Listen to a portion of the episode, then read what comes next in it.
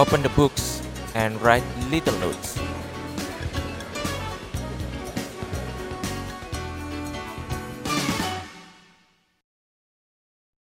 Kalau misalkan kita berbicara mengenai PSBB atau pembatasan sosial berskala besar, ini memang sebenarnya sudah, eee, lama ingin dilakukan karena, eee, jumlah penderita Covid-19 ini semakin meningkat, eee, dari awal sampai dengan sekarang.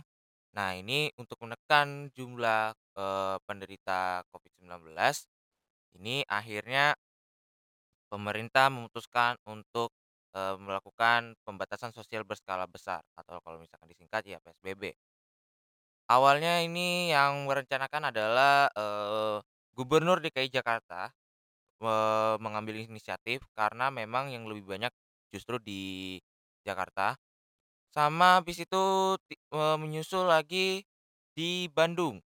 Sebenarnya ini, a usulannya ini dari, eee, pemerintah Jawa Barat ini memang sudah lama juga, cuman memang karena, eee, pergerakannya ini sudah di udah diancang-ancang dari awal-awal sebelum diterapkannya PSBB, jadi makanya,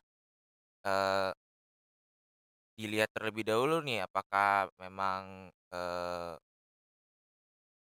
bisa dilakukan tanpa harus mengeluarkan prosedur atau memang harus mengeluarkan prosedur. Dan ternyata di Bandung Raya itu jumlah penderita Covid-19-nya ini yang paling, eee, yang semakin meningkat.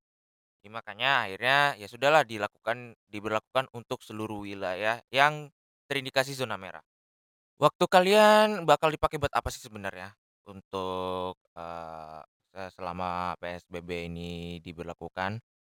Nah, ini kan katanya kan berlangsung 2 minggu nih. Kalau misalkan, eee, berlangsung maksudnya, eee, setelah 2 minggu ternyata diperpanjang lagi, gue yakin lu pada pasti bakal lebih frustasi, bakal lebih nekat untuk keluar. Karena katanya kalau misalkan, eee, di PSBB ini, kalau misalkan lu keluar rumah, itu lu harus ada, eee, surat izinnya, surat izin tertentu. Oh, lu ada kepentingan apa nih, lu, eee, mau keluar. Nah ini eh, nah lu bakalan diperiksa. Tapi kalau misalkan lu nggak ada kepentingan apa-apa, lu bakal disuruh puter balik, suruh pulang ke rumah. Nah ini bingung juga ya. Tapi ya nggak papalah, eee, paling nggak, eee, dengan lu berada di rumah, lu bisa menyelamatkan diri lu, eee, dari wabah Covid-19. Habis itu lu bisa lebih banyak kegiatan lagi di rumah, biasanya kan lu sibuk di luar. Nah, lu bisa ngambil waktu di rumah, ya ngapain ajalah. Terus kalau misalkan yang kerja gitu, yang biasanya kerjanya di kantor gitu, mumet banget, ya bisa, eee, ngambil waktu kerja di rumah gitu. Ya, sa apa, kerja santailah. Ya beruntunglah buat kalian-kalian yang udah WFH sebagian. Mungkin sebagian dari kalian merasa kalau WFH ini dengan adanya WFH ini mungkin kalian, eee, waktu, apa, waktu untuk ketemu sama teman-teman kalian ini jadi berkurang, terus biasanya kalian bisa seru-seruan jadi kayaknya sepi, hening, terus gabut. Nah,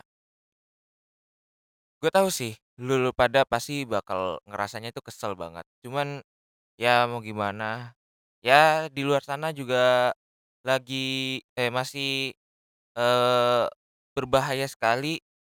Jadi menurut gua kayaknya mendingan lebih banyak beribadah di rumah, terus lebih banyak introspeksi diri, lebih apa ya, lebih intens lagi sama keluarga, sanak saudara kalian yang ada di rumah. Kan jarang-jarang kalian ngobrol bareng keluarga, terus seru-seruan sama keluarga, main-main sama keluarga. Nah, ini adalah ini waktu yang paling tepat buat kalian untuk bisa berkumpul, bercengkrama bersama dengan keluarga. Lebih banyak bersyukur sama Tuhan Yang Maha Esa karena masih bisa diberikan keselamatan. Kalau misalkan pemerintah tidak memberlakukan seperti ini, mungkin, eee wallahu alam mungkin pada saat kalian di mana tiba-tiba udah terpapar Covid-19, tiba-tiba udah dipanggil sama Yang Maha Kuasa gitu, ya terus kalian jadi penyesal di ya menyesal belakangan. Ya jangan sampai kayak gitulah ya. Ya mending diambil kesempatan seperti ini, kalian bisa kumpul bersama dengan keluarga, sanak saudara. Ya gua doakan kepada kalian semuanya agar kalian bisa diberi keselamatan, diberi kesehatan, diberi kemudahan.